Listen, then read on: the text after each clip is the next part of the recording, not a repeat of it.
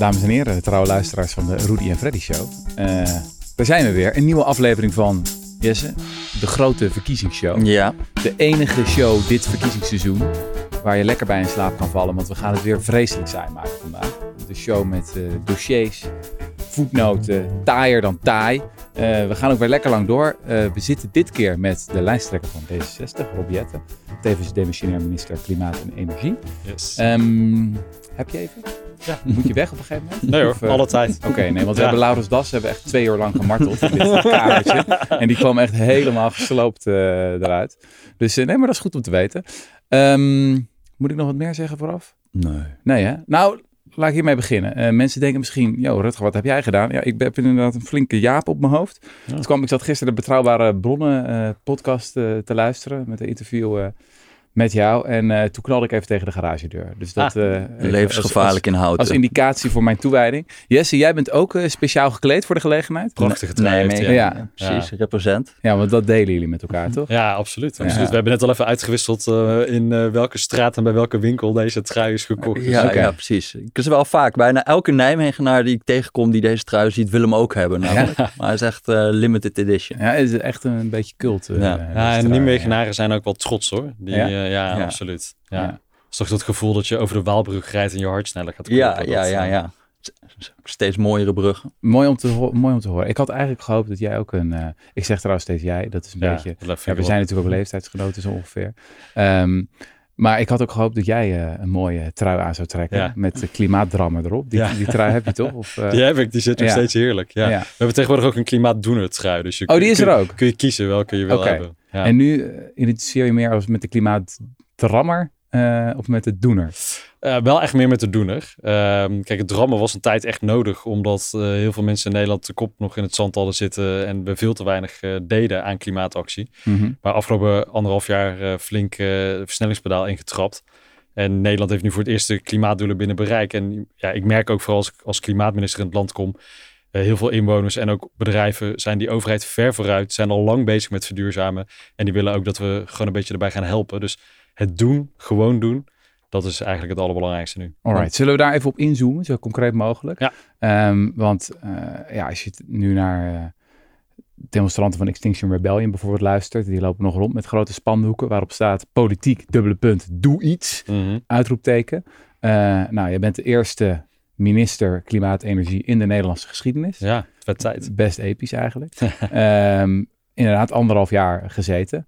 Um, ja, wat, wat, heb, wat is er dan gebeurd? Uh, zeg maar, hoe zou je die Extinction Rebellion demonstrant geruststellen van we doen wel echt wel heel veel? Nou ja, misschien allereerst, ik begrijp ook heel goed waarom mensen nog de straat op gaan. Uh, Hmm. mm. Want uh, klimaatverandering gaat gewoon echt ontzettend hard. We zijn totaal niet op koers als wereld om de opwarming van de aarde tot anderhalve graad uh, te beperken. Vorige week ook nog scenario's van het KNMI over hoe ziet Nederland er aan het eind van deze eeuw uit. Uh, 40 tropische dagen per jaar, uh, uh, extreme droge zomers met hittestress in de steden, te weinig regenval wat impact gaat hebben op uh, onze voedselvoorziening. Dus als we doorgaan op de huidige koers als planeet, ja, dan is het aan het eind van deze eeuw echt wel heel erg onprettig in dit land. Dus we moeten nog heel veel doen om die klimaatneutrale samenleving ook voor elkaar te krijgen. Maar uh, tegelijkertijd, ehm, Nederland heeft nu één op de drie elektrische laadpalen die uh, in de hele Europese Unie staan. Zijn wereldwijd koploper zonnepanelen. Binnen een paar jaar komt 80% van onze elektriciteitsproductie van windparken op de Noordzee. Ons energieverbruik is terug op het niveau van 1970. Uh, en heel veel bedrijven zijn massaal aan het investeren in elektrificatie. En dus echt het verduurzamen van hun fabrieken en bedrijven. En daarmee gaan we dus ook nu voor het eerst, uh, in ieder geval op koers, uh, zijn we nu om in 2030 het klimaatdoel uh, te halen. Dus er is heel veel beweging in gang gezet, maar we moeten ook nog heel veel meer doen. Ja. Want het is wel schokkend als je dan kijkt. Uh, ik, ik zat nog laatst terug te kijken naar allemaal voorspellingen van het uh, Planbureau voor de Leefomgeving voor uh, 2030. Van hoeveel zonne-energie zouden we dan opwekken in Nederland. En zij dachten toen in 2014 dat het 13 terawattuur in 2030 zou zijn. Nou, vorig jaar hadden we al 16 terawattuur ja. opgewekt. Ja. Dus dat gaat zo verschrikkelijk snel. We zijn de nummer 1 in Europa, toch? Ja, en nummer 2 in de wereld. Wie is dan de nummer 1 in de wereld? Australië. Die heeft Oké. net iets meer per hoofd. eh, We van hebben ook een iets gunstigere Ja. ligging voor zon. En dat vind ik ook zo Ja. bizar. Hoe kan het nou weer dat Nederland, waar toch niet helemaal het, het soort van... Ja, eh, het hoeft dus niet eh, het hele jaar door extreem zonnig te zijn om eh, veel geld te verdienen aan, aan zonnepanelen. En Wat ik ook heel tof vind is dat en mensen leggen het massaal op hun daken omdat ze na vorig jaar denken ik wil ook een lagere energierekening.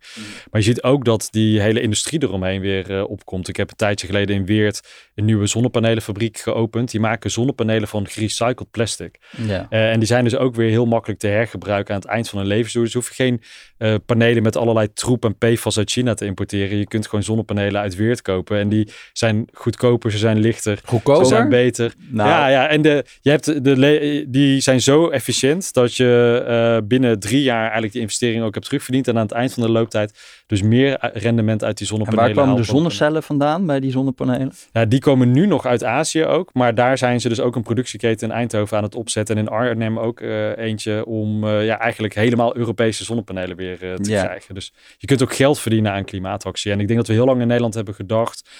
ehm, ja, klimaatverandering, ja, het is best wel belangrijk, maar het is een hoop gedoe. En eh, het gaat ten koste van je welvaart. Dus blijf van mijn auto en mijn gehaktbal af. Mhm. Eh, en we zien eigenlijk steeds meer dat eh, dit juist het verdienvermogen van de toekomst van Nederland is. Hè. Ook als je kijkt naar de Rotterdamse haven, daar is nu in twee jaar tijd eh, de eh, behoefte aan elektriciteit aangevraagd door grote bedrijven die voorspeld was over een periode van tien jaar. En in heel Nederland moeten we ongeveer 100 keer het vermogen van de stad Amsterdam bijbouwen. Willen we eh, aan die behoefte aan eh, schone energie eh tegemoetkomen. Ja. Dus echt heel Nederland is er volop mee bezig. En het vraagt vooral een overheid die daar een beetje richting bij geeft. En helpt eh, bij de mensen die nog niet mee kunnen komen. Want een van de echt grote succesverhalen van Nederland, dat is eigenlijk die wind op zee. Ja. En als je daarnaar kijkt, dat is ook eh, van in, in 2013, geloof ik, de eerste veiling was nog 130 euro per megawattuur. Nou, drie jaar later zaten we op 70 en nu kan dat eigenlijk subsidievrij Absoluut. gebouwd worden. Ja.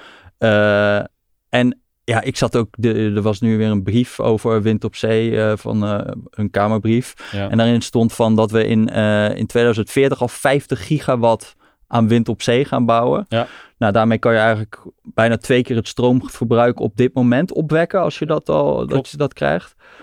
Dat zijn enorme hoeveelheden. En we doen dan nog veel meer, omdat we ook nog veel meer e- elektriciteit nodig zullen hebben in de toekomst. Ja, dus je industrie. ziet, we gaan, hè, Ja. auto's worden elektrisch, de industrie wordt meer en meer eh, elektrisch. We gaan onze huizen deels elektrisch eh, verwarmen. Dus je hebt ook meer elektriciteit nodig. En dan is het wel zo prettig dat het dan uit schone bronnen komt en Hm. eh, niet uit kolen- of gascentrales. Nederland kan ook de buren helpen. Hè. We exporteren nu al een groot deel van het jaar, in ieder geval overdag, ook elektriciteit eh, naar Duitsland eh, en een klein beetje naar België. En we hebben ook die eh, schone elektriciteit van de Noordzee nodig om groene waterstof in Nederland te produceren. En maar ook hier geldt weer, jaren geleden had je dat luie mantra van rechts. Ja, windmolens draaien op subsidie. Eh, dus je moet er vooral niet aan beginnen. En dan zag je dat bedrijven uit Denemarken, bedrijven uit Engeland, die waren groot en sterk in die windsector. Ja, nu we zo hard aan het investeren zijn in ons eigen deel van de Noordzee, ontstaan er ook weer nieuwe Nederlandse bedrijven. Dus een bedrijf dat zit in Roermond en in, in Rotterdam. Nou, die bouwen eh, eigenlijk de, de fundaties van windmolens voor zo'n beetje elk groot project over de hele wereld. Hm. De hele toffe spin-offs eh, van eh, TU Delft, die met slimme kreeften, het zijn letterlijk kreeften, over de zeebodem lopen om daar in kaart te brengen. Hoe gaat het met de kabels van die windmolens? Waar moet je slim onderhoud eh, toepassen? Het zijn letterlijk, kreef, het zijn Ja, ja, letterlijk ze- kreeften, toch? Nou ja, dus ze, ze zien eruit als een kreeft. Ja, eh, niet letterlijk kreeft. Ja, sorry, Ja, ro- Ja. robots die eruit Ja, zien als dat is één kreeft. ding Ja, goed millennials. millennials gebruiken het woord letterlijk. Ja, verkeerd. keer. Ja, mijn fout. Mijn fout. Dat ben ik ook nog Bravo. Die ook, ja. Eh, en heel tof, recentelijk van de ehm, eh, universiteit hier in Amsterdam. Die hebben een algoritme ontwikkeld. Die kunnen voorspellen hoe groot de vogeltrek op de Noordzee eh, ja. zich ontwikkelt. Zodat je net op tijd die windmolens kan uitzetten. Zodat die vogels zich niet doodvliegen in die windmolens. Want je moet ook nadenken hoe past het een beetje in balans met de natuur. Dus ja, dit laat ook wel weer zien. eh, eh, die, die Noordzee wordt eh, onze belangrijkste elektriciteitsfabriek eigenlijk. Maar de Nederlandse bedrijven kunnen er ook geld mee verdienen omdat ze die windparken bouwen. En Nederlandse innovaties kunnen helpen om die windparken dan ook echt op een verstandige manier eh, daar, eh, daar neer te zetten. Want er pakken zich nu wel eigenlijk ja, donkere wolken ook een beetje samen over die windsector. Want eh, onlangs was er in Verenigd Koninkrijk dat zij een veiling hadden gehouden voor hun stuk ja, offshore of eh, hun eh, zeegedeelte. En Ja. die was, was eigenlijk niemand had daar ingetekend.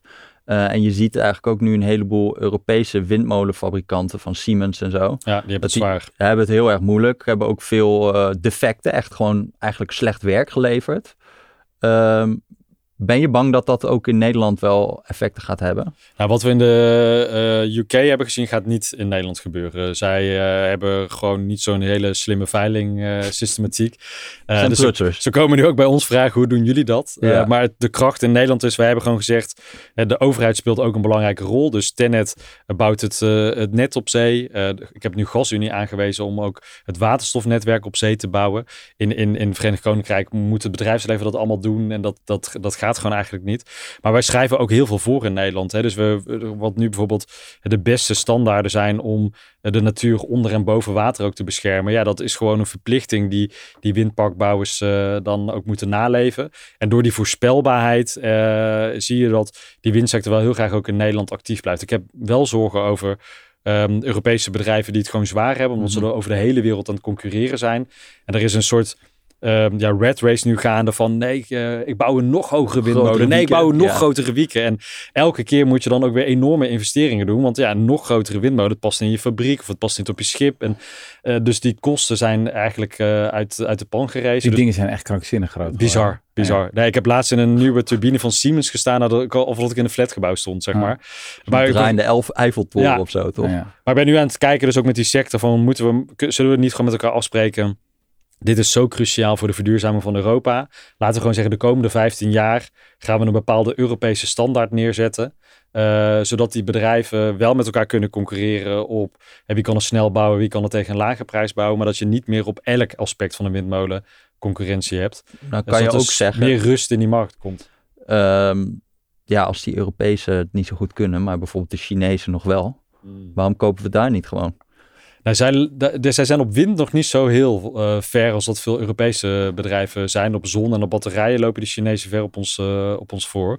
Maar dit is natuurlijk het gesprek Maar ik geloof over... dat zij niet die problemen hadden met defecten en zo. Nee, maar dat is ook gewoon... Ja, daar zie je dus ook dat soms ook strakke regie en, en dingen voorschrijven vanuit een overheid soms ook best nuttig uh, kan zijn. Mm -hmm. dus hoe vind je nou voor Europa een goede balans tussen markt en overheid? Maar ik vind het altijd al heel ingewikkelde term, maar de open strategische autonomie van de EU. Hè? Dus, maar heel, is heel simpel is dat hoe voorkomen we dat we alles wat we nodig hebben moeten kopen in China en Amerika. Ja. Dus dat je ook nog echt wel maakindustrie in Europa hebt. En als er ergens een kink in de kabel komt, dat je dat dan niet hier meteen uh, als consument enorm uh, merkt. Dus ja, je moet je nadenken, wat voor een soort staalindustrie willen we in Europa? Wat voor een soort technieken willen we ook nog in Europa ontwikkelen en in Europa maken? Dus ja, dat geldt ook van als je weet dat wind je belangrijkste energiebron van de toekomst wordt. Mm -hmm. Is het wel lekker als je ook Europese bedrijven hebt die daar ook sterk in Dus zijn die uitgesloten eigenlijk, de Chinezen? Nee, niet uitgesloten. Het is wel zo dat uh, bepaalde onderdelen van de telecom-sector, uh, dat daar Chinese bedrijven worden geweerd vanwege privacy, data en dat soort zaken. En dat raakt ook wel een deel de energietransitie, omdat dat natuurlijk ook een steeds slimmere sector wordt. Want maar, bij elektriciteitsnetten is het wel zo, toch? Dus dat wij die, die hoogspanningskabels die ook of, of naar, uh, uh, naar die windparken gaan, ja. daar las ik tenminste in die brief ook dat, dat, ja, omdat we er niet meer uit China mogen halen, dat het ook duurder wordt meteen. Ja, want het is natuurlijk wel zo, dat is dan ook de consequentie als je uh, ja, delen van, van de wereldmarkt afsluit of het minder makkelijk maakt. Ja, dan, dan heb je niet meteen uh, tegen dezelfde prijs in Europa allerlei productie. Dus dat is ja, dan de bereidheid om een iets hogere prijs te betalen. Om uh, ook zeker te weten dat het veilig is en in Europese handen is en niet allerlei data op verkeerde plekken belandt. Hm. Hm.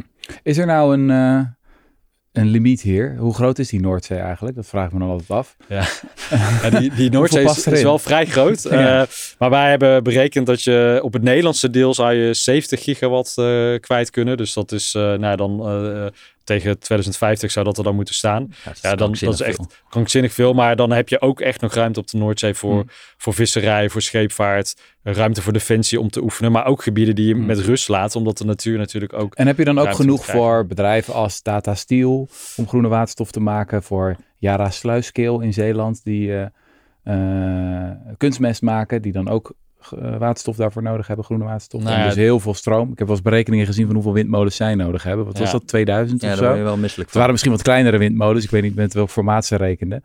Um, is er, komt er niet ook gewoon een moment dat je denkt... oké, okay, nou, die, die Noordzee zit vol en mm -hmm. we kunnen niet alles doen? Hey, het eerlijke antwoord is niet alles kan. we leven natuurlijk op een hele kleine postzegel waar ontzettend veel moet gebeuren. We moeten namelijk naast al die schone industrie en de energietransitie ook nog een miljoen huizen bijbouwen. We weten dat er meer ruimte voor de natuur nodig is.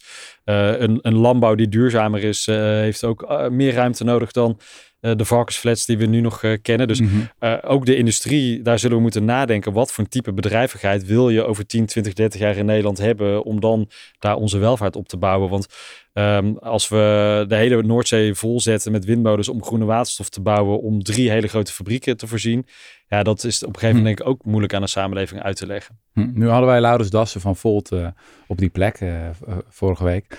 En um, uh, het is natuurlijk een heel pro-Europese partij. In sommige opzichten nou, nog pro-Europeeser dan jullie al uh, waren en zijn. En die kwam met het idee van nou, uh, we gaan gewoon lekker de staalindustrie in Zweden subsidiëren. Dus het is eigenlijk helemaal niet logisch dat we dat soort dingen in Nederland nog hebben. Dat is hier historisch zo gegroeid door de mm. lage gasprijs. Nou, daar zijn we mee gestopt in Groningen. Um, dus ja, je moet gewoon veel Europeeser denken. en in zekere zin vaarwel zeggen aan die zware industrie in Nederland. En gewoon, uh, we, gaan, we gaan die Zweden helpen en eventueel gaat er Nederlands subsidiegeld uh, daar naartoe om daar groene staal te maken. Nou, Goed kijk, idee of niet? Ehm, nou, ik, ik, denk dat, je, dat er in Nederland wel ruimte is voor staalproductie. maar ik ben het eens met uh, Dassen dat je gewoon voor die cruciale sectoren moet kijken waar in Europa kan je dat het beste doen. En vroeger had Nederland vanwege dat eindeloze, bijna gratis gas uit Groningen. Dat is ook de reden waarom we zoveel glastuinbouwen hebben, waarom we zoveel zware industrie hebben. Want ja, ja het kon hier. Mhm. Ehm, en uh, nou, dat gas, daar zijn we nu mee gestopt vanwege de veiligheid van die Groningers. ja, we hebben straks heel veel groene elektronen en we hebben ook groene waterstof, maar dat is niet genoeg om op de huidige koers door te gaan.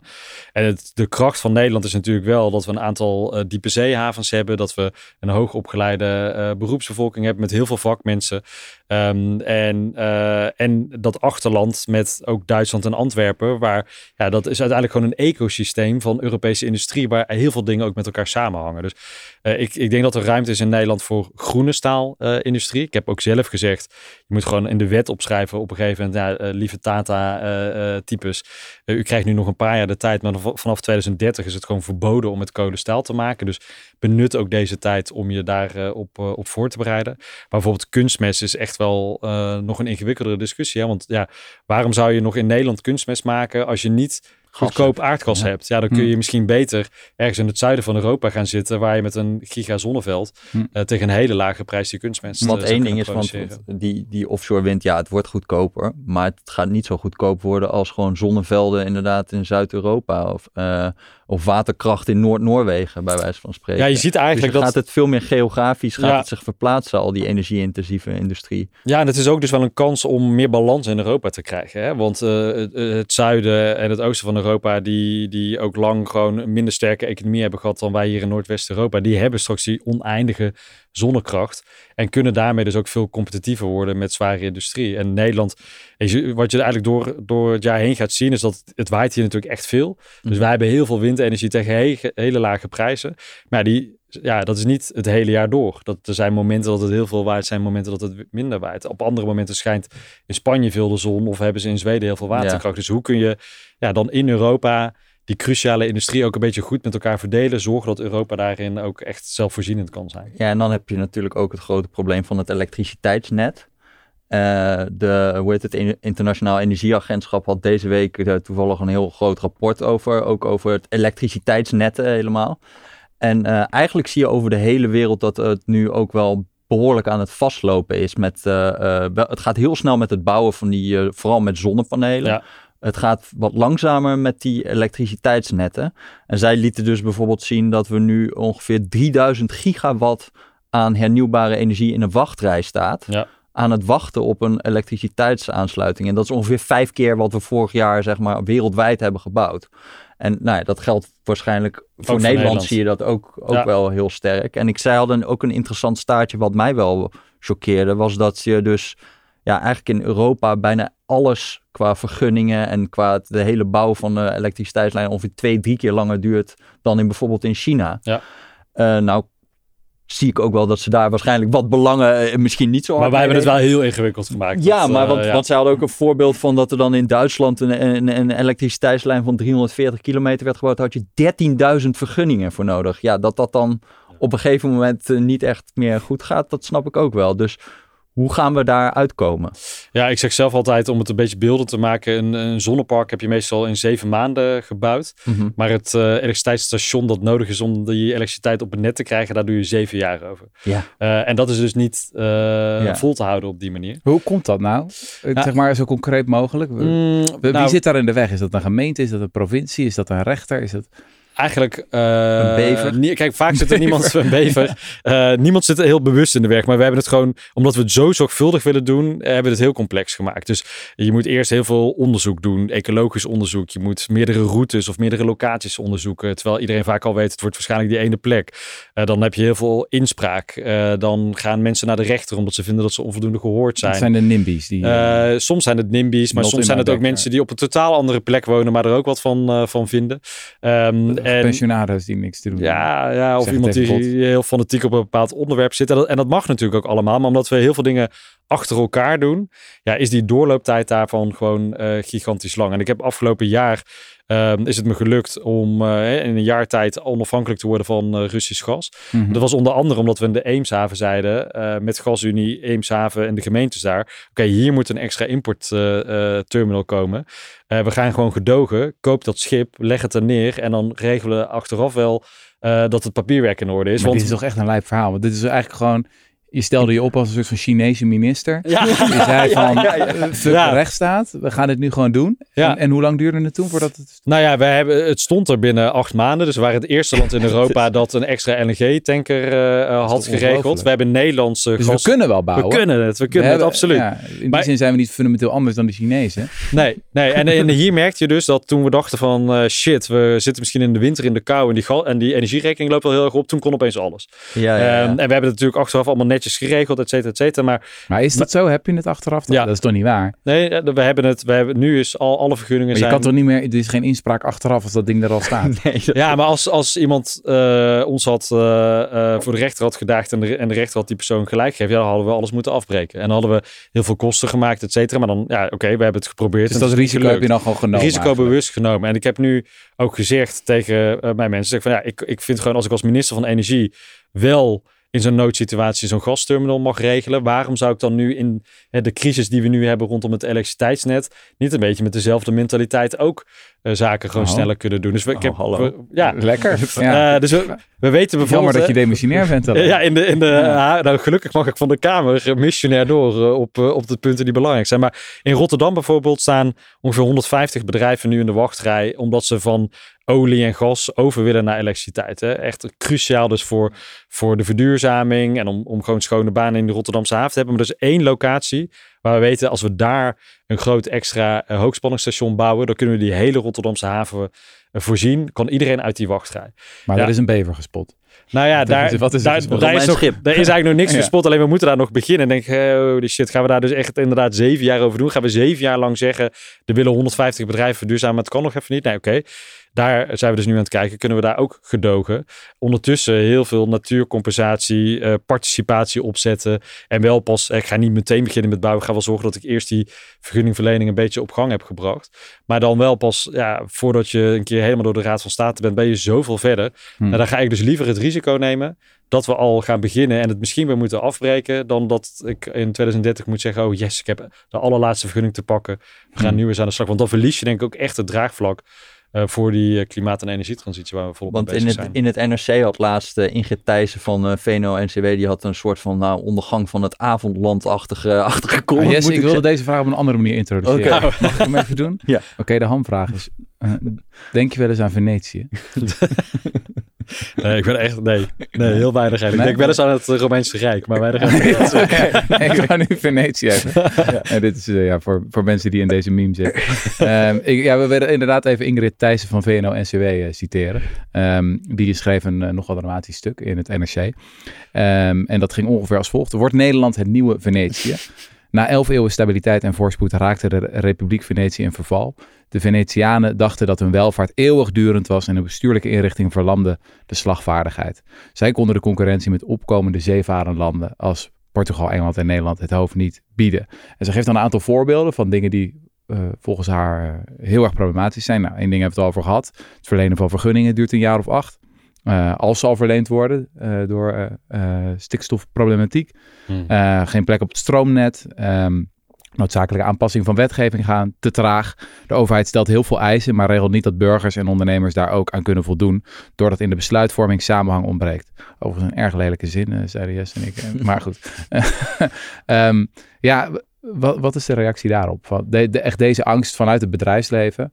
Uh, is dit gewoon klassieke VNO-NCW-borrelpraat? Of Hmm, hebben ze een punt? Nee, het is, ze hebben ook wel een punt. Um, ik denk dat wat ik zelf heb gemerkt, of dat het nou uh, de MKB om de hoek is, hè, dus een, middelgrote bakker met een gasoven die elektrisch wil gaan, gaan bakken, uh, of er een, een, een groter MKB-bedrijf met een leuke fabriek ergens in het oosten van het land, of dus zo'n zo'n heel groot bedrijf in de Rotterdamse haven. Ze voelen allemaal de druk. het kan niet zo langer. Ik moet echt heel snel duurzamer. En duurzamer is dan niet alleen maar ik ga op of op, op schone stroom, maar het is ook wat voor een, uh, grondstoffen gebruik ik? Kan ik circulair worden? Kan ik mm -hmm. ook een socialere onderneming zijn? Um, en dat is een transitie die die bedrijven heel snel moeten doormaken. En die hebben wel het gevoel van ja, uh, overheid, uh, u loopt een beetje achter. En dat is ook zo, want mijn voorgangers, die dus geen minister van Klimaat waren, maar ministers van, ministers van Economische Zaken, ja, die vonden dat die overheid er niet echt een hele grote rol in had. Die hadden ook niet echt de neiging om keuzes te maken en regie te pakken. Uh, dus ik snap wel de noodkreet van ja, als we allemaal aan de bak moeten, zeg me dan ook wat er nodig is. En dat even terug naar dat Tata voorbeeld. Toen ik een paar weken geleden zei, Tata moet schoon of Tata moet dicht. En schrijf gewoon in de wet op dat je vanaf een bepaald jaartal niet meer met kolen staal mag maken. Toen heb ik even Tata van tevoren gebeld en gezegd van hey by the way gasten, ik ga er wat dingen over jullie roepen. Dan weet je dat het eraan zit te komen. Maar in plaats van dat ik uh, een woedende uh, CEO aan de lijn had, zei hij tegen mij, uh, oh, dankjewel. Dankjewel dat je duidelijk bent over wat jij als politiek van mij verwacht. Want dan kan ik me er ook toe verhouden. En dat is volgens mij ook wel in de gesprekken die ik dan met VNO heb, ook wel de, ja, het verzoek eigenlijk van Ingrid Thijssen. Zeg gewoon wat er wel nog kan en wat er niet meer kan, zodat wij ons als bedrijfsleven ertoe kunnen verhouden. En ik vind ook wel, um, het, het gaat heel veel nu in Nederland over hoe kunnen we al het geld verdelen en hoe kunnen we bestaansrechten, et cetera, allemaal faciliteren. Maar je moet ook wel eerst geld verdienen met elkaar, want anders ja, kun je gewoon die rekening van de zorg en het onderwijs niet betalen. Dus wat voor een type economie willen we hebben? Wat voor ondernemerschap past daarbij? En hoe gaan we daar dan ook ruimte aan geven aan ondernemers die uh, snappen uh, dat er een uh, ja, nieuwe vorm van ondernemerschap nodig is? Ja, en één ding van bij die. Want ben je echt bang dat er een soort van deindustrialisatie kunnen krijgen in Nederland? Nee, het wordt een hele ander type industrie. Dus dat je nu uh, decennia lang groot bent geworden op een eindeloze hoeveelheid uh, raffinaderijen op fossiele energie, dat mm. heeft Nederland heel veel gebracht. Maar dat kan natuurlijk niet uh, zo langer. Dus die toekomst is veel meer een ASML in Eindhoven of die zonnefolie die in Arnhem wordt ontwikkeld of de IT-industrie die in Twente aan het ontstaan is of juist hele circulaire producten. Hè. Dus um, ik had een suikerbietenboer die langskwam en die zei ja, ik kan van de pulp van suikerbieten plastic maken. Dat is 0,001 cent duurder per cola flesje dan plastic van olie. Mm -hmm. Maar als we gewoon in de wet gaan opschrijven dat je op een gegeven moment niet meer met olie plastic mag maken in dit land, ja, dan staat, ontstaat er opeens een enorme business case voor circulaire plasticfabrieken. Mm -hmm. Dus er ontstaat een ander soort industrie. En dat is natuurlijk spannend, want er werken nu mensen bij bedrijven waarvan ze denken, ja, is er voor mij ook nog een baan? Ja, misschien niet meer deze baan bij dit bedrijf. Maar we gaan als overheid dan wel helpen dat er ook weer ja. uh, een alternatief uh, ontstaat. En daar moet je dan wel als overheid ook dat bedrijfsleven doorheen helpen. Want ik denk dat ze ook nu af en toe gewoon zoekende zijn geweest en niet weten, is, ja, wat, wat verwacht de Nederlandse samenleving van mij? Ja. Hm. En dat speelt ook met dat elektriciteitsnet, geloof ik. Dat, ze, dat, ja, dit, dat is nu helemaal verstopt. Maar daar kan je natuurlijk ook verwachtingen hebben van bedrijven. Dat voorheen was het altijd zo dat zij eigenlijk altijd om aansluiting ja. konden vragen. Uh, en ja, 24-7 elektriciteit. En je kunt natuurlijk ook afvragen of dat uh, een goed systeem is als we naar een economie gaan waarin wind en zon variabel is. Ja. En dat ja, eigenlijk ook die bedrijven zelf wat meer moeten gaan, gaan doen aan hun uh, uh, flexibiliteit. Precies, ja, ik heb dus nu ook besloten dat alle grootverbruikers in Nederland, die moeten inzicht gaan geven in hun energieverbruik. En aangeven, ja, wat is het, uh, de, de vaste elektriciteit die ik nodig heb, omdat je bijvoorbeeld bepaalde apparaten gewoon niet kan uitzetten, omdat ze dan kapot gaan. Mm -hmm. Maar wat is je flexibele gebruik? Ja, dan gaan we je dus ook vragen om op het moment dat we heel veel wind hebben tegen superlage prijzen, ja, dan mag je lekker maximaal produceren. Maar als het even krap is op het net, dat je dan ook even afschaalt en uh, nou, tegen een fatsoenlijke vergoeding. En dat we op die manier ook veel slimmer met elkaar omgaan gaan. En ik vind een heel mooi voorbeeld is uh, op, op Tolen in, in Zeeland. Daar had je een bedrijventerrein waar ook ja, iedereen wilde verduurzamen, maar uh, de netbeheerder kon het niet aan. Die hebben nu besloten, joh, in plaats van dat wij twintig aparte aansluitingen hebben, gaan we één aansluiting maken. Dus het bedrijventerrein heeft één aansluiting op het net. Achter die meter hebben we zonnepanelen, batterijen, slimme uitwisseling van, van energie. En daar is gewoon de, de netcongestie, uh, dus de problemen op het net daar, die neemt met dit plan gewoon met ongeveer de helft af. Ja. Dus dat bedrijventerrein wordt voor een heel groot deel zelfvoorzienend. En anderen in de regio kunnen die ruimte dan op het net weer benutten. En is ja, het dan wel zo dat je ook prioriteit krijgt? Dus stel dat iemand komt uh, nu, uh, ik heb een oplossing voor verstopping op het net. Ik ga een zonnepark bouwen, ik zet daar een hittebatterij bij. Ja. krijg je dan voorrang bij de netbeheerders of is het gewoon first come, first served op het moment? Nou ja, dat, dat is het tot nu toe wel altijd geweest. Hè? Uh, maar ik heb nu bij grote zonneparken gezegd, daar moet een batterij bij. Want uh, of je moet in ieder geval bereid zijn om af te schalen als het net even... Ook bij zonne, zonnepanelen op daken? Of uh, wordt het daar alweer vervelend? Nou, daar, mensen, daar, daar, kan het ook nodig zijn. Maar zeker bij die grote parken moet je, moet je dit doen. Um, en kijk, we hebben... Wat we nu helemaal fout doen in Nederland... is dat we, gaan dan proberen te prioriteren... over wie is als eerst aan de beurt helemaal aan het eind. Dus als, als, een, als een project al klaar is... en dan, als je dan moet kiezen tussen een ziekenhuis en een casino... dan zal iedereen zeggen, sluit eerst maar het ziekenhuis aan... en dan komt daarna een keer het casino. Mhm. Maar de complexiteit zit er natuurlijk veel meer in. We deze 20 woningen doen? Of zullen we uh, dat bedrijf dat net verduurzaamd is en cruciaal is voor de werkgelegenheid? Dus we moeten veel eerder in de tijd eigenlijk prioriteren. Dus dat doen we nu als Rijksoverheid samen met de provincies en uh, gaan we gewoon kijken, oké, wat zijn de projecten hier in dit gebied in de komende paar jaar en hoe zorgen we er dan voor dat dat allemaal een beetje lekker op elkaar aansluit? Ja, ja, ja, ja. Lekker. Dus een boel gebeurt al. ja. jaar. ja, en weet je, daar, daar moeten we dus ja. ook wel mee. Dus dat, nou, ik ben dus ook een paar keer wel naar die XR-demonstranten gegaan. En dan stap ik niet de A12 op, maar dan pak ik even de support-demonstratie die ernaast mm -hmm. zit. Maar ook wel gewoon met elkaar over te hebben van, weet je, er is ook een hoopvol verhaal voor Nederland te vertellen. Ja, er moet nog heel veel gebeuren. Je mag er ook voor demonstreren, maar laten we vooral ook kijken hoe we ook weer vooruit kunnen komen. Want er zijn denk ik genoeg doembeelden en er zijn ook genoeg mensen die helemaal niet meer het perspectief zien dat we het gaan redden met elkaar. Uh, maar ik denk veel meer ook die positieve voorbeelden delen om te laten zien dat het kan als je wil en als er iemand is, bijvoorbeeld een klimaatminister, mm -hmm. die gewoon durft te kiezen en knopen durft door te hakken. Want uh, wij hadden ook al een podcast met Henry Bontebal gehad en die zei dat er bij jou toch ook enige frustratie was ontstaan over de opstelling van GroenLinks en PvdA, die eigenlijk ja, de rol van klimaatdrammers bleven aanhouden. Uh, en dat Ja. die vaak zich niet heel constructief opstelden. En gewoon de hele, eigenlijk, ja. Ik heb wel eens, ik, ik- ik heb in sommige klimaatdebatten meer zaken kunnen doen met Caroline van der Plas dan met eh, de Kamerleden van links. Ja. En daarvan dacht ik wel, nou, waarom zitten wij elkaar hier nu zo op te bestrijden? Hè? Ja, zou kunnen ja. kijken hoe kunnen we nog verder vooruitkomen. Er zijn ook wel zaken, eh, bijvoorbeeld het prijsplafond of de nieuwe warmtewet die eraan komt. Dat heb ik wel echt. eh, Maar met mestvergisters is, eh is, eh, Caroline wel game. Ja, nou ja, maar ook bijvoorbeeld het isoleren van huizen ging dat eh, met haar eigenlijk heel erg goed. En Oh. Kijk, mijn, mijn eh chagrijn was bij die vorige kabinetsformatie. Ja, je kunt als GroenLinks PvdA aan de, aan de zijlijn blijven staan.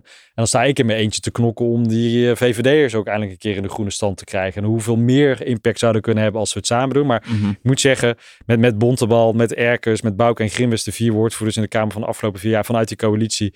Daar hebben we echt veel meer voor elkaar kunnen boksen dan denk ik eh, vriend en vijand hadden gedacht eh, toen dit eh, Het kabinet... is ook wel heel interessant hoe dat al is verschoven. Hè? Ja. Gewoon van de, die hele discussie van twaalf jaar geleden naar nu. Ja, Het is gewoon wel, ja, gelukkig ook maar. ja hè. En gelukkig. Toen het kabinet viel en de Kamer moest besluiten van welke onderwerpen mogen door, heb ik echt een heel dringend beroep op die Kamer gedaan van behandel alsjeblieft die klimaatbegroting, hè, zodat we 9 miljard aan klimaatgeld voor 2024 kunnen inzetten voor isoleren van huizen, MKB, Mhm. ondersteunen, dat waterstofnetwerk aanleggen. En het mooie was dat eigenlijk van SGP tot SP er gewoon steun was om door te gaan met dat, eh, met dat klimaatbeleid.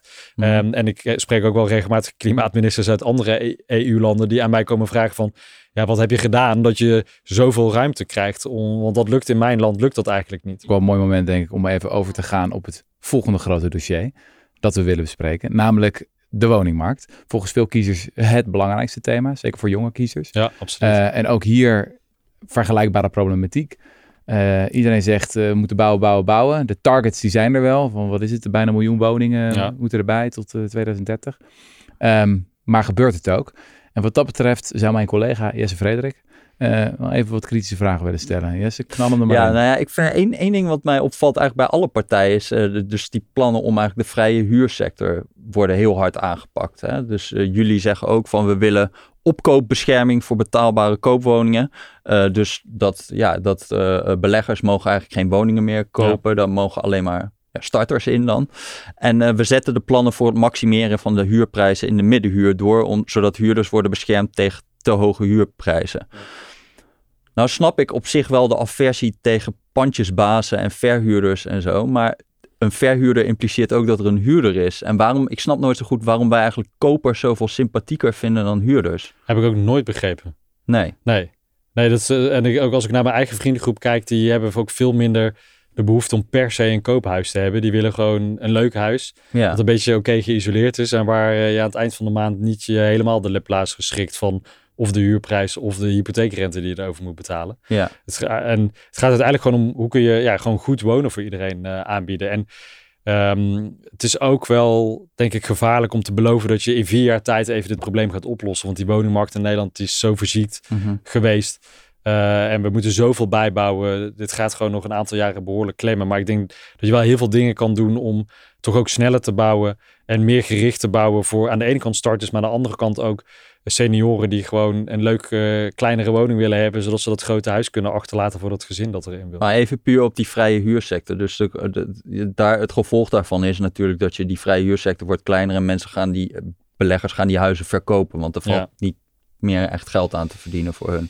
Waarom, waarom willen we dat? Waarom is dat een beleidsdoel? En dan heb je minder Ja. huurwoningen in feite Nou, ja. en meer Koopwoningen. dus meer koopwoningen. Dat zie je, dat is inderdaad hè, de afgelopen twee jaar denk ik de reactie geweest op een aantal keuzes die, eh, die we nu met dit kabinet hebben gemaakt. Dat, dat je bepaalde beleggers denken, nou ja, dan eh kan minder geld verdienen aan verhuren in Nederland. Dus ja, dan ga ik eh, iets anders doen met, eh, met mijn knaken. Mhm.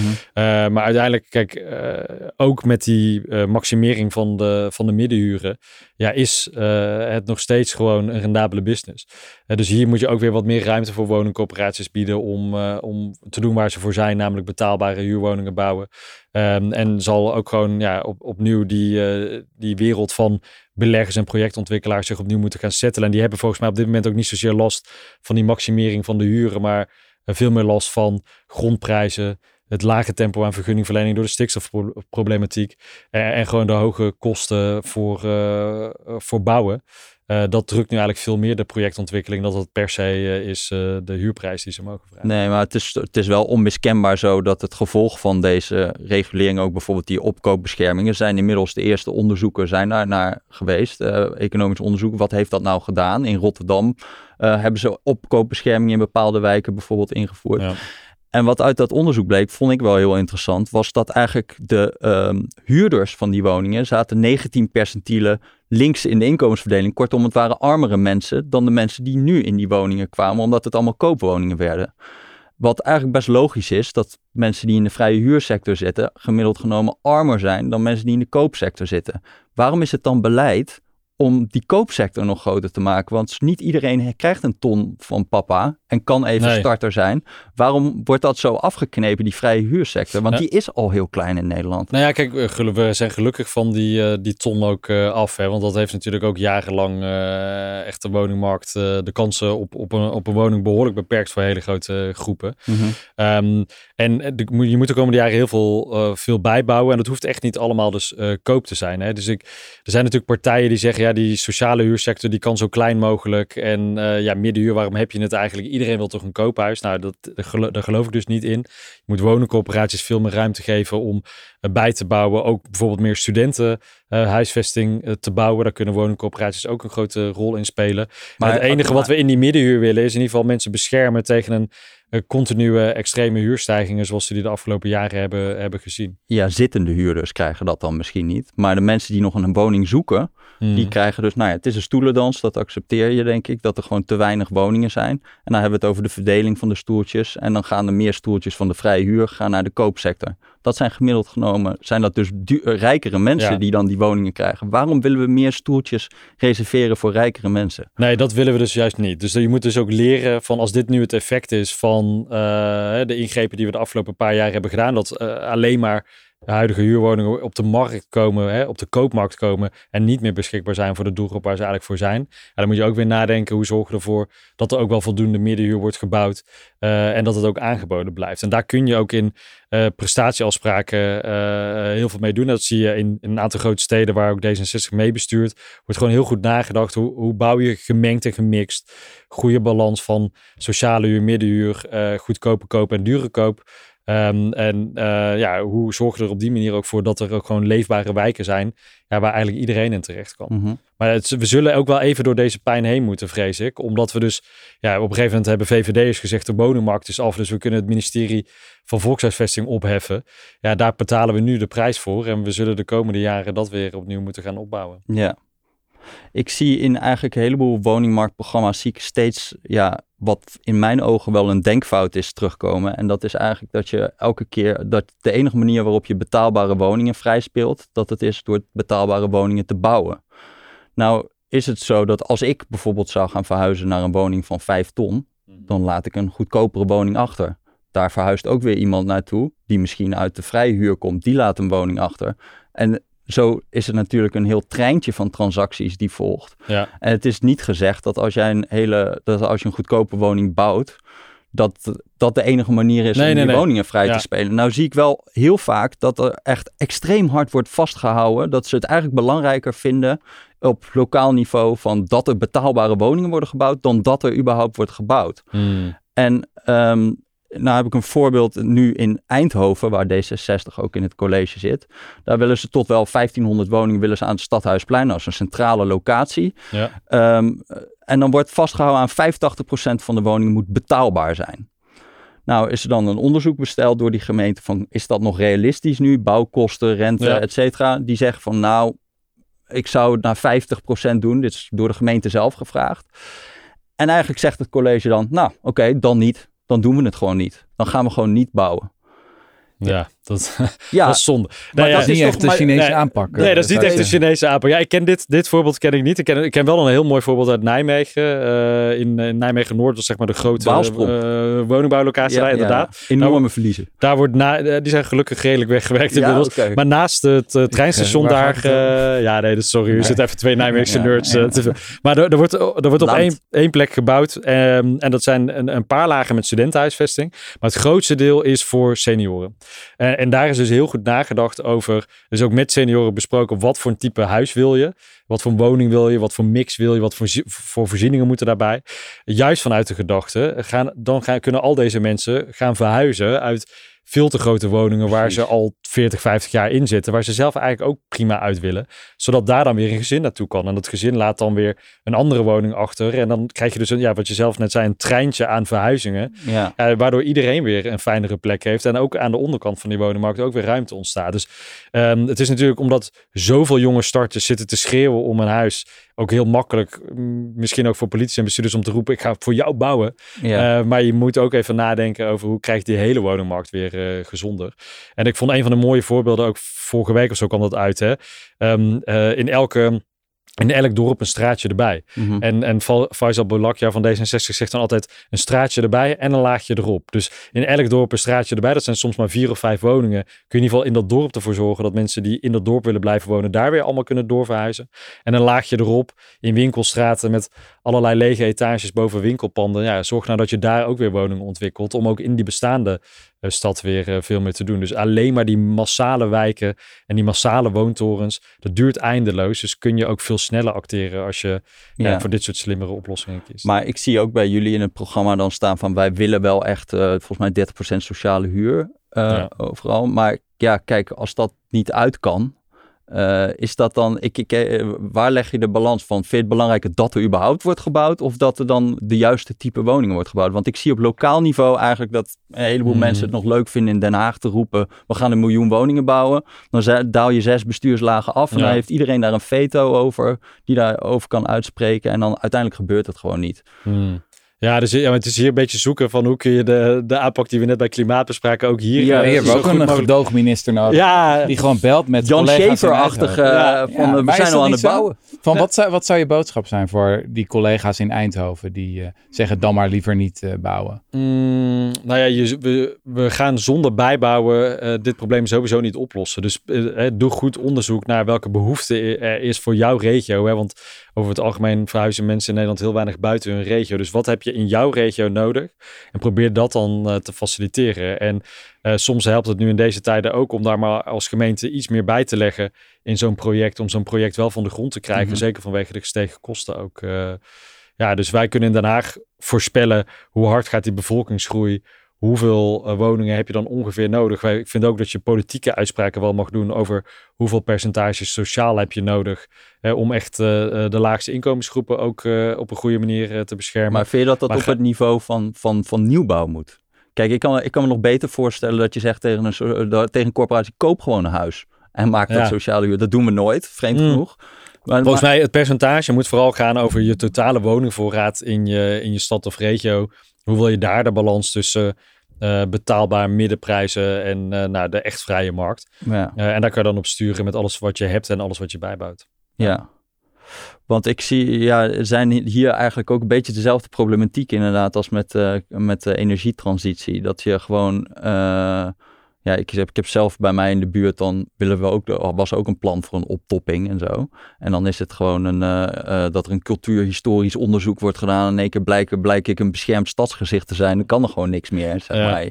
Ja, dat, dat is een beetje waar het elke keer Ja. vastloopt. Dat de, de, dat de analyse dan is, we moeten meer splitsen, meer verdichten en meer optoppen. Maar dat verzandt op, omdat het de Ja. lokaal niveau daarover gaat. En wat, ja, wat doe je daar dan aan? Nou, wat ik, wat ik nationale zelf als, politiek? eh, als klimaatminister nu heb gedaan als het gaat om cultureel erfgoed, eh, eh, daar was het ook bijna onmogelijk om dat soort panden te verduurzamen. Hè? Want een, een zichtbaar zonnepaneel erop, nee, dat mag niet, want beschermt eh, dorps- of stadsgezicht. Oh, wilt u dubbel glas? Nee, sorry, is een monumentaal pand. U moet het blijven doen met dat prachtige glas en lood of, of die enkele raampjes. Maar dat betekent dus ook dat er op een gegeven moment gewoon niemand meer is die in zo'n pand wil wonen of die er nog een bedrijf in wil eh, beginnen, Mm. omdat het Mm. gewoon qua stookkosten niet te doen is. Ja, dus wil je cultureel erfgoed behouden, ja, dan zal het ook mee moeten kunnen gaan met de tijd. Dus daar hebben we nu de verduurzamingsregels van die panden ook behoorlijk aangepast. En ik ben nu ook al een tijdje met de strijd bezig om, ja, hoe beschermd dorpsgezicht, dat, ja, tuurlijk, belangrijk. Je wil een bepaalde vibe, je wil bepaalde trots die wij hebben over dat cultureel erfgoed, wil je ook vasthouden. Maar hoe neem je het ook mee die 21ste eeuw in? Ja, dat vraagt ook echt wel wat andere regel, spelregels. En die moeten wij in Den Haag maken, zodat ze op lokaal niveau daar eh, ja, meer ruimte krijgen om met inwoners samen te bedenken wat goed is. Ja, Hm. ja, ja. Zullen we het over landbouw hebben? Heel goed, gaat het heel weinig over deze ja, nou, en jullie hebben wat radicale doelstellingen ervoor. Ik lees even voor. Doelstelling klimaatneutrale landbouw in 2040. Ik zat er even over door te denken. 2040 klinkt ver weg, klinkt een beetje futuristisch, maar het is feitelijk gewoon over Ja, 15 17 jaar. Het is eigenlijk best wel dichtbij al. En klimaatneutrale landbouw. Ehm, wat, wat betekent dat concreet? Want we, we hebben niet een klimaatneutrale koe nog uitgevonden, Nee. toch? nee. Dus, dus Kijk, wij wat blijft er dan nog over? En dan ben ik vooral geïnteresseerd in wat er overblijft van de veeteelt in Nederland in dit scenario. Fors kleiner dan eh, nu het geval is. Eh, we zitten nu met 100 miljoen, meer dan 100 miljoen stuks vee eh, in ons kleine land. Mhm. Ehm, en ja, we zien overal dat we daardoor tegen de grenzen aanlopen. Want of het gaat over waterkwaliteit, over stikstof in de natuur, ook over dierenwelzijn. Mhm. Het kan niet zo langer. Dus die veestapel zal fors moeten krimpen. Um, en ja, een koe zal altijd methaan blijven uitstoten. Uh, daar kun je wel met bepaalde type voeding en zo uh, voor zorgen dat dat minder methaan is. Maar Mhm. als je weet dat die uitstoot er zal zijn, en dan moet je ook nadenken over hoe kunnen we dan in ons landgebruik ook meer CO2 vastleggen, zodat daarmee uiteindelijk onder de streep die landbouwsector op nul uitkomt. Hm. En hoe werkt dat precies voor degene die... De, dus, klimaatneutrale landbouw ja. voor elkaar krijgen. Nou, jij, jij hebt, kijk, we, een, een van de uh, plekken waar we heel veel uitstoot hebben in ons landgebruik is dat we op heel veel uh, regio's hebben het grondwaterstand zo uh, naar beneden gebracht, mm -hmm. zodat we de maximale productie uit kunnen halen. Mm -hmm. Maar dat betekent dat dat land ook allerlei broeikasgassen uitstoot. Dus de grondwaterstanden wat verhogen om dat eigenlijk hele simpele en die verlagen op te zodat die trekkers eroverheen kunnen. Exact, zo, ja. ja. Maar dat betekent dus wel als je een hogere grondwaterstand hebt, dat je er ander type landbouw moet organiseren. Kunnen er misschien wat minder koeien op of moet je ander type gewassen daar gaan uh, verbouwen. Dan moet je dus ook met boeren samen nadenken over hoe kan je daar dan een goed verdienmodel uh, bij krijgen. En hoe kunnen je misschien ook een beetje meer betalen voor het natuurbeheer als je er meteen uh, bij doet. Maar er zijn ook bepaalde gewassen die veel CO2 kunnen vastleggen, maar die we ook weer kunnen gebruiken voor de isolatie van onze woningen. Dus hoe krijg je eigenlijk een nieuw eigenlijk een hele nieuwe business voor Nederlandse boeren. Ja. die straks de isolatiematerialen voor al onze huizen gaan dus, verbouwen. ik probeer het zo eenvoudig mogelijk uit te leggen. Voor iedere koe die er dan straks nog is, moet er een een, andere maatregel een andere maatregel die CO2 zijn vastlegt. Ja. Die die scheten compenseert. Ja, eigenlijk, om het even plastisch te zeggen. Um, jullie zeggen ook van op termijn moet die bio-industrie verdwijnen in Nederland. Dat zeggen meer partijen. En ik vraag me dan altijd af, wat is dan precies de definitie van de bio-industrie? Dus je zei we hebben 100 miljoen dieren in, in Nederland. Hoeveel daarvan ja, leven in de bio-industrie? Ja, uh, nu overvraag je me even, want uh, weet ik even niet de exacte percentages, maar het, het gaat met name om. Ik hoef niet ehm, precies het percentage, maar ik ben gewoon benieuwd orders van grootte. Ik kan zelf wel wat zijn. Ja, varken, varkens en kippen zitten met name natuurlijk in grote meegestallen met te weinig ruimte. Uh, die gewoon ja, niks ook te maken hebben met, uh, met dierenwelzijn. Ja. Uh, en, en vaak is dat ook voor de export. Hè, de, ik vind het nog steeds fascinerend. Ik ben zelf opgegroeid in, in, in Oost-Brabant, in een gebied waar veel varkensboeren zitten. en die gun ik allemaal hoor, hun, hun, hun bedrijf en hun passie voor het vak. Maar Um, we worden dus, uh, onze natuur wordt daar ziek. Je hebt daar allerlei uh, impact ook op de volksgezondheid. En die varkens die gaan voor de slag naar Italië, zodat ze het stempel Parma uh, kunnen krijgen. En daarna op een vliegtuig naar China, zodat ze daar dan in de supermarkt Parma vlees kunnen kopen. Mm -hmm. Ja, ik snap gewoon niet waarom dat in Nederland moet. Ja. Um, dus er zijn ook wel en, en je kunt daar dus ook, ja, laten we gewoon voor zorgen dat Nederland in Europa bekend komt te staan om zijn duurzame landbouw en zijn biologische landbouw. En een echt goed product dat we wat dichter bij huis ja, met Maar laten we nog even iets concreter maken. Ja. Uh, Universiteit Wageningen heeft onderzoek gedaan recent en die kwamen eruit dat slechts 5% van de Nederlandse veehouderijen uh, het Beter Leven keurmerk heeft. En dan bijna al die veehouderijen hebben dan ook maar één ster. Die twee en drie sterren die zijn echt heel zeldzaam.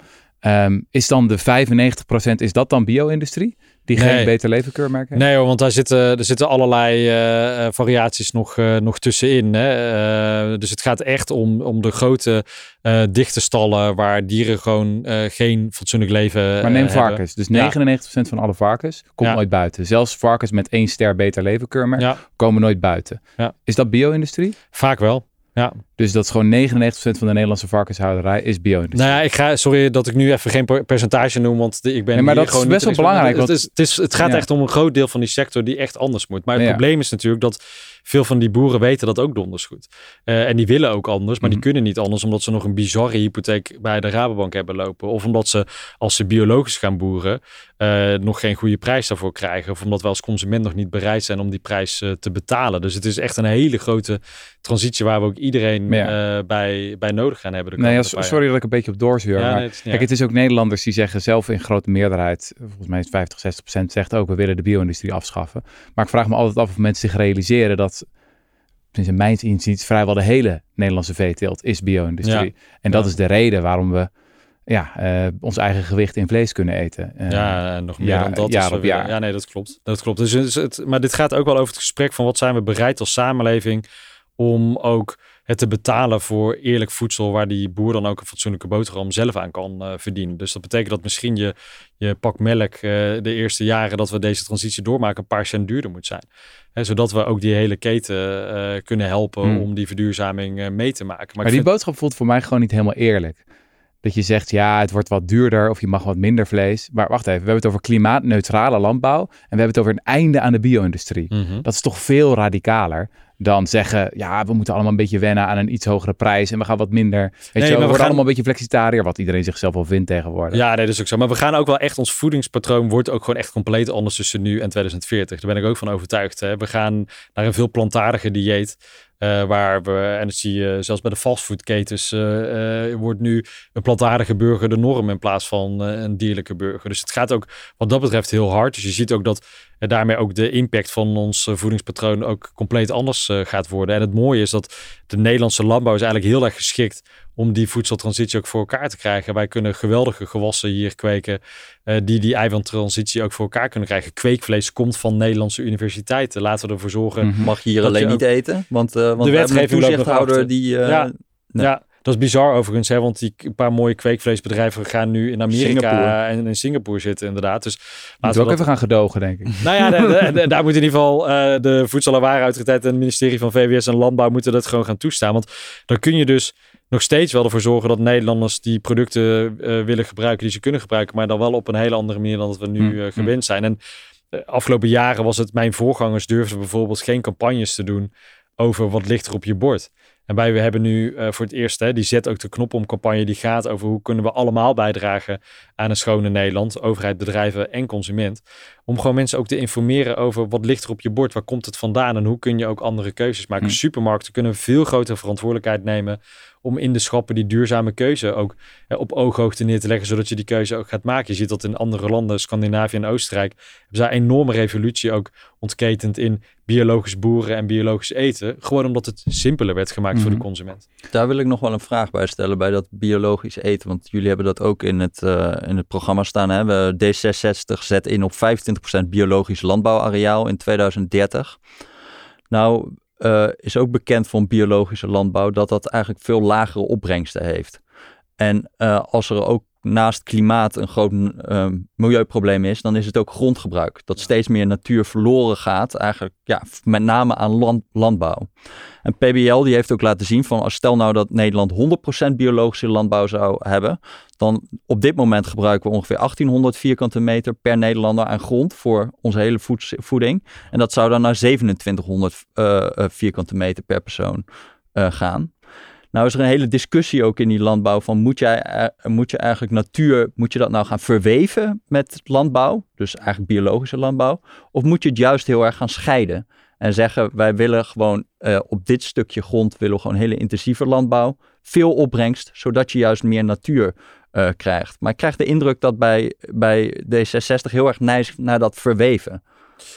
Eh, ja, dat klopt. Ehm, kijk, allereerst, ehm, je kunt veel beter nadenken over wat doe je waar. Hè, dus die, eh, doordat we nu ook met de provincie samen kijken van eh, die hele landbouwtransitie, moet je ook van onderop ook eh, vormgeven.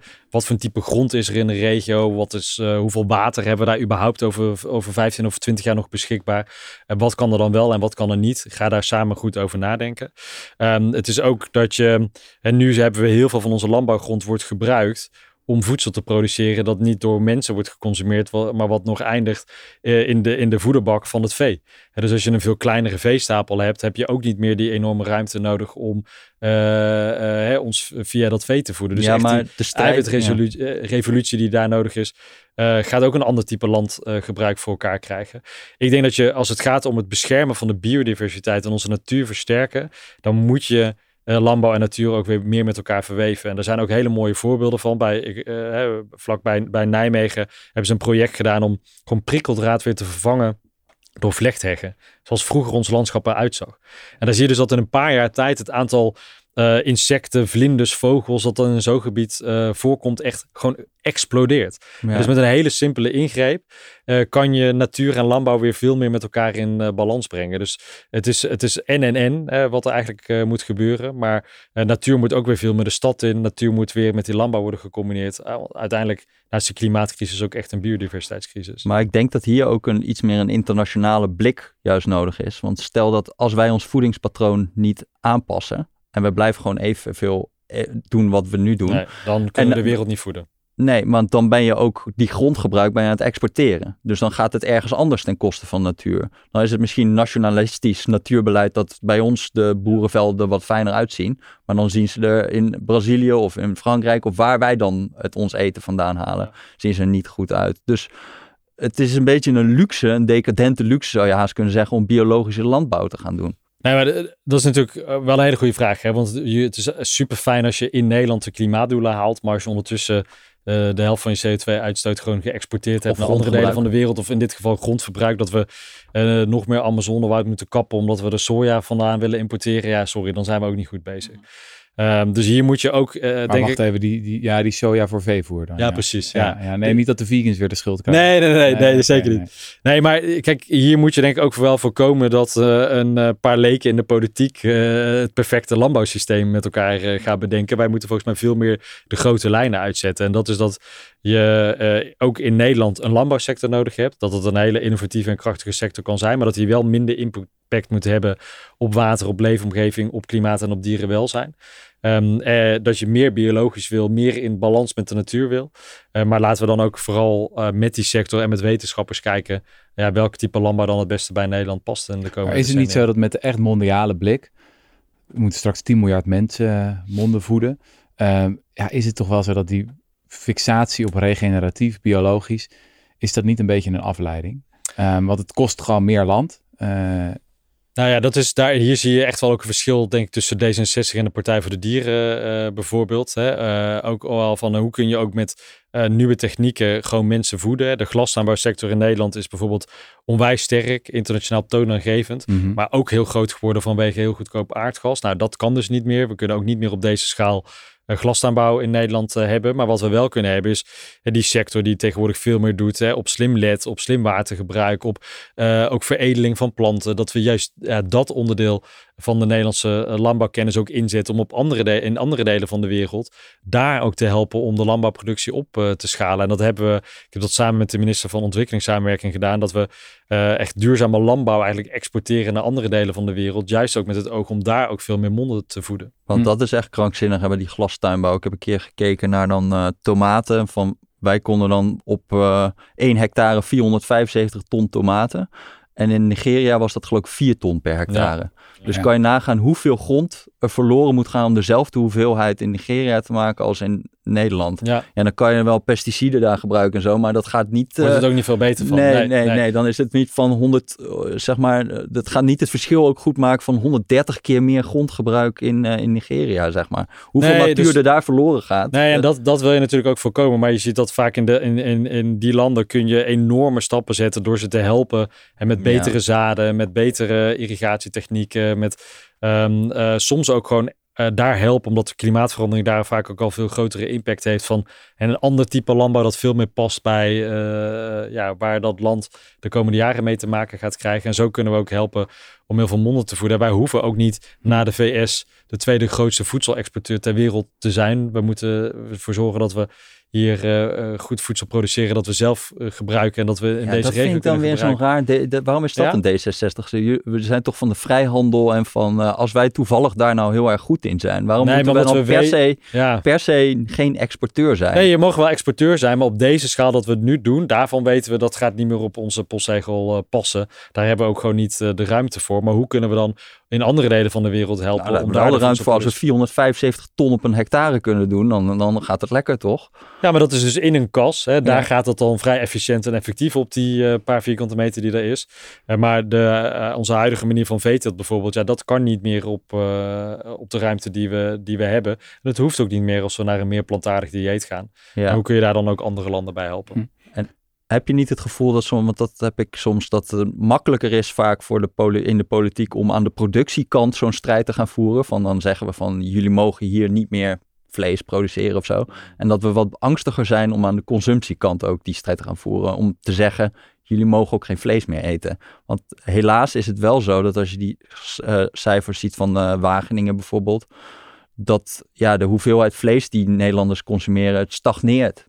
Maar er is nou niet een hele duidelijke trend dat dat naar beneden gaat of zo. Ja, die is een tijdje naar beneden gegaan, maar nu is dat eh, Heel veel inderdaad mensen denken dat ze minder vlees eten, zeggen dat. Van ja, ik ben echt minder gaan doen. Maar als je gewoon concreet kijkt. Ik noem het altijd flexie-leugenaars. Weet je wel? Dus- En je ziet toch ook een heel sterk verband ook wel tussen inkomen en vleesconsumptie. Dat Ja. natuurlijk ook voor landen die rijker Ja, worden. ja, tuurlijk. Eh, Daarom dacht ik ook een beetje van, is dit niet een, die, die fixatie op, op ander type landbouw, is dat niet een sideshow uiteindelijk? Het viel mij op toen ik het programma las van D66, Progressieve Partij, Hmm. dat het heel veel ging over inderdaad biologisch. We gaan weer terug de velden in. Ja. Eh, we gaan weer, wat, eh, wat is het, het prikkeldraad vervangen door wichelroedes? Of wat was het nou? Vlechtheggen. Vlechtheggen, dat was het. Ehm, maar we hebben toch hier ongelooflijk hoeveelheid technologische innovatie nodig. Als we echt die doelen willen halen voor t- eh, 2040, Mm. dan hebben we gewoon ongelooflijk goed kweekvlees nodig. Ongelooflijk goede ja. alternatieve eiwitten. Ja. En daar kan Nederland in voorop lopen. Ja, en wij hebben, het was ook echt D66 die de afgelopen jaren in de Kamer echt heeft geknokt om dat kweekvlees toegelaten te Maar het is krijgen. maar één zinnetje in het partijprogramma. Er staat Ja. verder niks over. is Oké, nee, gaan dat is een, investeren. Maar ik denk wel, kijk, wat, Ja, dat was wat een ik, groot partijprogramma. ja, dat, dat 207 pagina's of zo. Nee, maar Nee, in die hele landbouwsectie gaat het heel lang over, Ja. over biologische landbouw. Maar wat, wat denk ik ook, en dat vind ik ook echt wel, daar hebben we ook gefaald de afgelopen paar jaren. Het gaat al vijf jaar over stikstof. Het gaat al vijf jaar over de toekomst van de landbouwsector. Nou, Mhm. vraag aan een gemiddelde boer in Nederland, weet jij wat nu van jou verwacht wordt? Nou, die zeggen allemaal nee. Ja. Eh, dus daarom hebben we er ook veel tijd aan besteed in ons programma. Van hoe ziet nou die eh, landbouwsector eruit? Wat voor handelingsperspectief is er voor die boeren? Hoe gaan we daar ook bij helpen? Maar ik denk dat dat, misschien is de boodschap Ja? voor de boer gewoon... Sorry, maar jij gaat het niet doen. Weet je wel, het is gewoon... Jij bent nu de postkoets en er komt een trein aan. Hmm, nou, kijk, als je een meer plantaardig systeem hebt, dan heb je eh, niet per se minder boeren nodig. Je hebt minder vee nodig, maar je hebt misschien wel meer boeren nodig die eh, op die andere manieren veel meer, veel meer ook coöperatief eh, die voedselvoorziening eh, voor elkaar Maar boksen. als we het goed Dus doen, dat een- als dat kweekvlees echt gaat vliegen... Ja. en precisiefermentatie en andere veelbelovende technologieën... dan worden huidige bestaande biologische boeren er totaal uitgeconcurreerd. Dan hebben we veel goedkopere, duurzamere, Kan. lekkerdere alternatieven. Kan, maar dat weten we ook nog niet helemaal zeker, omdat ook nog niet al die technieken er op deze schaal eh, al, al zijn. Maar daar zou Nederland toch juist in voorop moeten lopen? Ja, maar het is denk ik en en. En die boer wordt ook meer, en dat is die vaak ook al, iemand die de natuur, een stukje natuur beheert. Die een stuk fatsoenlijke eh, eh, eh, akkerbouw daar organiseert. Die misschien ook nog een paar koeien en kippen heeft. Hè? En dat is niet op een kneuterige manier, maar dat is Mm. op een moderne manier, denk ik, in, in balans met die natuur. En ik denk, maar ik ben wel met je eens, jouw eerste deel van, we moeten niet alleen maar richten op eh, die productieketen. Wij hebben ook Mhm. als consument daar gewoon een verantwoordelijkheid in. De dingen die we kopen bepalen wel voor een heel groot deel ook hoe die keten erachter eruit ziet. En daar waar mijn, eh, hè, de, eh, in het verleden werden wel eens ministers naar de Kamer geroepen omdat ze campagnes begonnen over vlees eten. En dan werd er maar weer snel Mm, mee gestopt. Ja. daarvan heb ik ook gezegd, sorry jongens, dit hoort er wel gewoon bij. Mhm. Dus wij hebben nu ook in onze klimaatcampagnes gewoon zitten over hoe kun je als consument duurzamere keuzes maken. Niet alleen bij voedsel, maar ook bijvoorbeeld bij kleding. Mhm. Want heel veel Nederlanders willen echt wel wat doen. Eh, maar ja, eh, weten niet altijd precies hoe. En, en vinden het fijn als ze daar advies en informatie bij krijgen. Je zei net, ik eh, bel Tata Steel even van tevoren op voordat ik ga aankondigen van wij willen gewoon een verbod op het maken van staal met kolen. Ik heb soms het gevoel dat we ehm, zeg maar die duidelijkheid niet verschaffen aan boeren. Weet je, dat als het gaat over landbouw in 2040, dat dan toch nog een soort van beeld wordt geschetst van nee, we hebben, dan, we hebben meer boeren dan. Want die hebben zoveel te doen aan landbeheer en regeneratief. En het wordt alleen maar, het wordt alleen maar leuker en beter en het wordt makkelijker om een boterham te verdienen. Dat, is toch een beetje een rad voor de ogen draaien. Nou, en dat, dat- is toch niet de toekomst van de landbouw? Nee, we hebben ook, ook jarenlang, denk ik, eh, niks durven zeggen tegen die landbouwsector. Hè? Dus die, eh, die stikstofdiscussie is de eerste keer weer geweest. In ieder geval, wij, zijn als D66 daar ook wel de agenderende partij geweest natuurlijk. Die heeft gezegd, zo kan Mhm. het niet langer. Maar ik was ook wel betrokken bij nou, het uiteindelijk mislukte landbouwakkoord... Waar, waar ik dan een paar keer werd uitgenodigd als klimaatminister om, eh, om met eh boerenorganisaties ook het gesprek aan te gaan. Daar heb ik ook steeds gezegd, jongens, sta je nou niet blind op dat stikstofdoel voor 2030? Want dan ga je nu keuzes maken eh, die waarschijnlijk in 2031 niet goed genoeg blijken. Want er is ook eh, een vraagstuk rondom water, er is een vraagstuk rondom biodiversiteit, rondom methaanuitstoot. Dus Dierenwelzijn. ja, dierenwelzijn. Dus begin nou te bedenken hoe ziet die landbouwsector er in 2040 uit en ga vanuit daar eh terugredeneren. ik denk gewoon weg. Dus de bio-industrie gaat weg. Het is gewoon klaar. ja, de Geen bio veeteelt in Nederland. Nee, maar dan moet je dus ook wel eh, zeggen wat voor een type eh, landbouw eh, is er dan wel nog. Ja, en, dat als moet mensen je nog wel gewoon vlees. Ja, blijven kassen. eten, dan heb je nog niks op. Ja, nee, maar dat, is de dat wordt dan de technologie. Maar goed, daar zijn we ook een klein coalitietje voor aan het bouwen als Rudy en Freddy Show. We Ja, inmiddels een stembusakkoord een aan Caroline- Stembusakkoord. Ja, ja, ja. ja, ja. Ja, alleen Caroline van der Plas heeft Die wilde Ja, die had er altijd wat moeite mee. Maar ze was minder kritisch dan we dachten. Ja, Maar zij- niet voor tegenstemmen, Ja, denk ik. maar ik ben wel benieuwd naar jouw reactie hier. Zou, zou Nederland een soort van moonshot-plan moeten hebben? Een, de- nou, laten we zeggen, een delta-plan voor alternatieve eiwitten, voor kweekvlees, voor precisiefermentatie. Ja. Zouden er daar niet gewoon aankomende kabinetsperiode, ik zeg maar, een paar miljard Vol tegenaan moeten? Want het is nu nog redelijk peanuts. Hè? Het is in de orde van 65 miljoen, geloof ik, ging er, ging er naartoe aan extra subsidie. Goed idee nee, of niet? Heel goed idee. We, er is een nationale eiwitstrategie, eh, maar die, eh, daar kan nog veel meer. Eh, en zeker omdat er dus zoveel ook Nederlandse bedrijven zijn die hier al volop mee bezig zijn. Mhm. Maar nu liever naar het buitenland gaan, omdat ze daar meer ruimte krijgen, meer financiering krijgen. Dus Mhm. ja, laten we laat die voedselrevolutie in Nederland beginnen. En laten we hier het kweekvlees en eh, de eiwitvervangers eh, groot maken. Hoeveel geld mag dat dan tegenaan? Uh, nou ja, geen idee wat orde van groot. ik weet niet wat er voor nodig is. Ik denk dat er vooral ook een betere wet en regelgeving voor nodig is. Mhm. eh, om gewoon die business cases die er zijn ook echt eh, succesvol te laten zijn. Maar we hebben een klimaatfonds. We hebben een transitiefonds voor de landbouw. We hebben een, eh, een nationaal groeifonds als dat niet wordt leeggegraaid door de VVD. Ja. Eh, dus eh, geld is volgens mij niet echt het, echt het nou, probleem. geld is volgens mij wel echt het issue hoor. Ja, Dus oké. nou, dat, Bijvoorbeeld, wat is het? Het verdienmodel voor het echt het opschalen van Hmm. eh, fer- fermentatie bijvoorbeeld. Weet je dat je met Ja. bacteriën en schimmels eh, Ja. bepaalde eiwitten maakt. Dat is echt een, eh, ja, iets wat veel private investeerders niet aandurven. En daar Hmm. heb je eigenlijk een ondernemende overheid op een gegeven moment nodig. Die Ja. zegt, ja, we staan er gewoon voor garant. Of we smijten er. eh, Nee, maar ik bedoel meer van, er zijn heel veel fondsen en heel veel miljarden die, die we hebben om te investeren in die toekomst van Nederland. Dus ik denk dat dat niet het probleem gaat zijn om dat geld te vinden, maar we moeten Oké. dan bedenken waar gaan we het aan uitgeven. Oké, dus er moet gewoon een goed plan zijn en dan is het geld er wel. Ja, dus als jullie een goed plan schrijven, Mhm. Dan zien we het graag tegemoet. Ja. Komt eraan. Het plan is tot nu toe miljarden. ja, dat is ook wel. Ja. Maar goed, zo is dat groeifonds eigenlijk ook een beetje begonnen, toch? Ja, nee, het is, het is wel echt wel zorgwekkend, vind ik hoor. Dat de VVD nu dacht van we graaien gewoon een paar miljard uit dat groeifonds om de benzineaccijns even voor één jaartje te verlagen. Ja, ja, ja. Terwijl het geld natuurlijk bedoeld was om eh, de, de ASML's van de toekomst hier, eh, hier op te bouwen. Dus Ja. ja. ja, wij trekken er ook in ons programma gewoon extra geld voor uit in de doorrekening. En echt een goede Nederlandse investeringsbank. eh, die gewoon op zoek gaat naar de innovatieve toppers. eh, eh, om ervoor te zorgen dat zij ook echt eh, ja, de pareltjes van de Nederlandse EU. Dat heeft zo'n mooi woord altijd in die Ja, tech. hè, dat ja, dit klinkt wel. ja, eh, nou, ja, die, eh, die staan echt in de rij hoor. Dat soort start-ups en scale-ups. Die willen graag geholpen worden met Hm. dit soort financiering. Ja. Hm. Lekker. Hebben we nog wat, Jesse? Nee. we zijn Nee. leeg. Heb jij nog wat? Eh, nou ja, we hebben echt veel behandeld. Ja, is misschien één, één thema, dat moet dan toch ook als D66 zeggen. Als je dit allemaal voor elkaar wil boksen, heb je natuurlijk ook goed opgeleide mensen nodig. Mhm. Eh, dus investeren in het onderwijs en zorgen dat het onderwijs veel meer aansluit op eh, die arbeidsmarkt van, van de toekomst. Eh, en dus, dus weg met die enorme prestatiedruk. Veel meer investeren in het mbo-vakonderwijs. Eh, maar er gaan ook nog steeds een derde van de jongeren die van de middelbare school afkomt, kan gewoon niet goed lezen en rekenen. Ja. Ehm, en we hebben daar de afgelopen jaren onwijs veel geld in gepompt.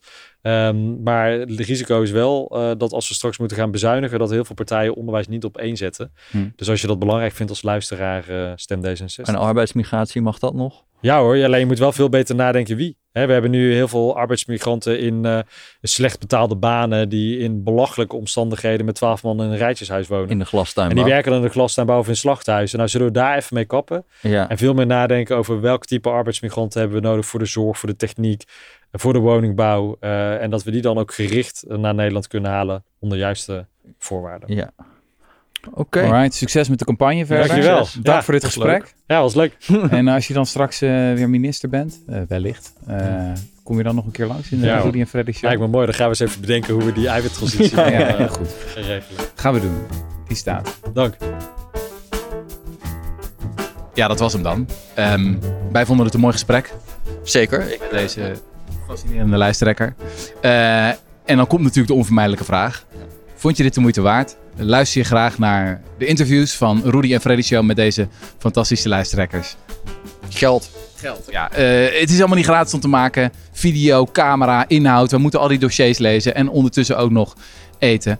Ehm, dus vind je dit eh, leuk? Ga dan naar www.decorrespondent.nl slash Word lid. Vind je gewoon überhaupt Rudy en Freddy Show filmpjes best wel cult? Ja, Decorrespondent.nl slash word lid. dat was de boodschap. Dank jullie wel. Applaus. We krijgen applaus. Ja, timing.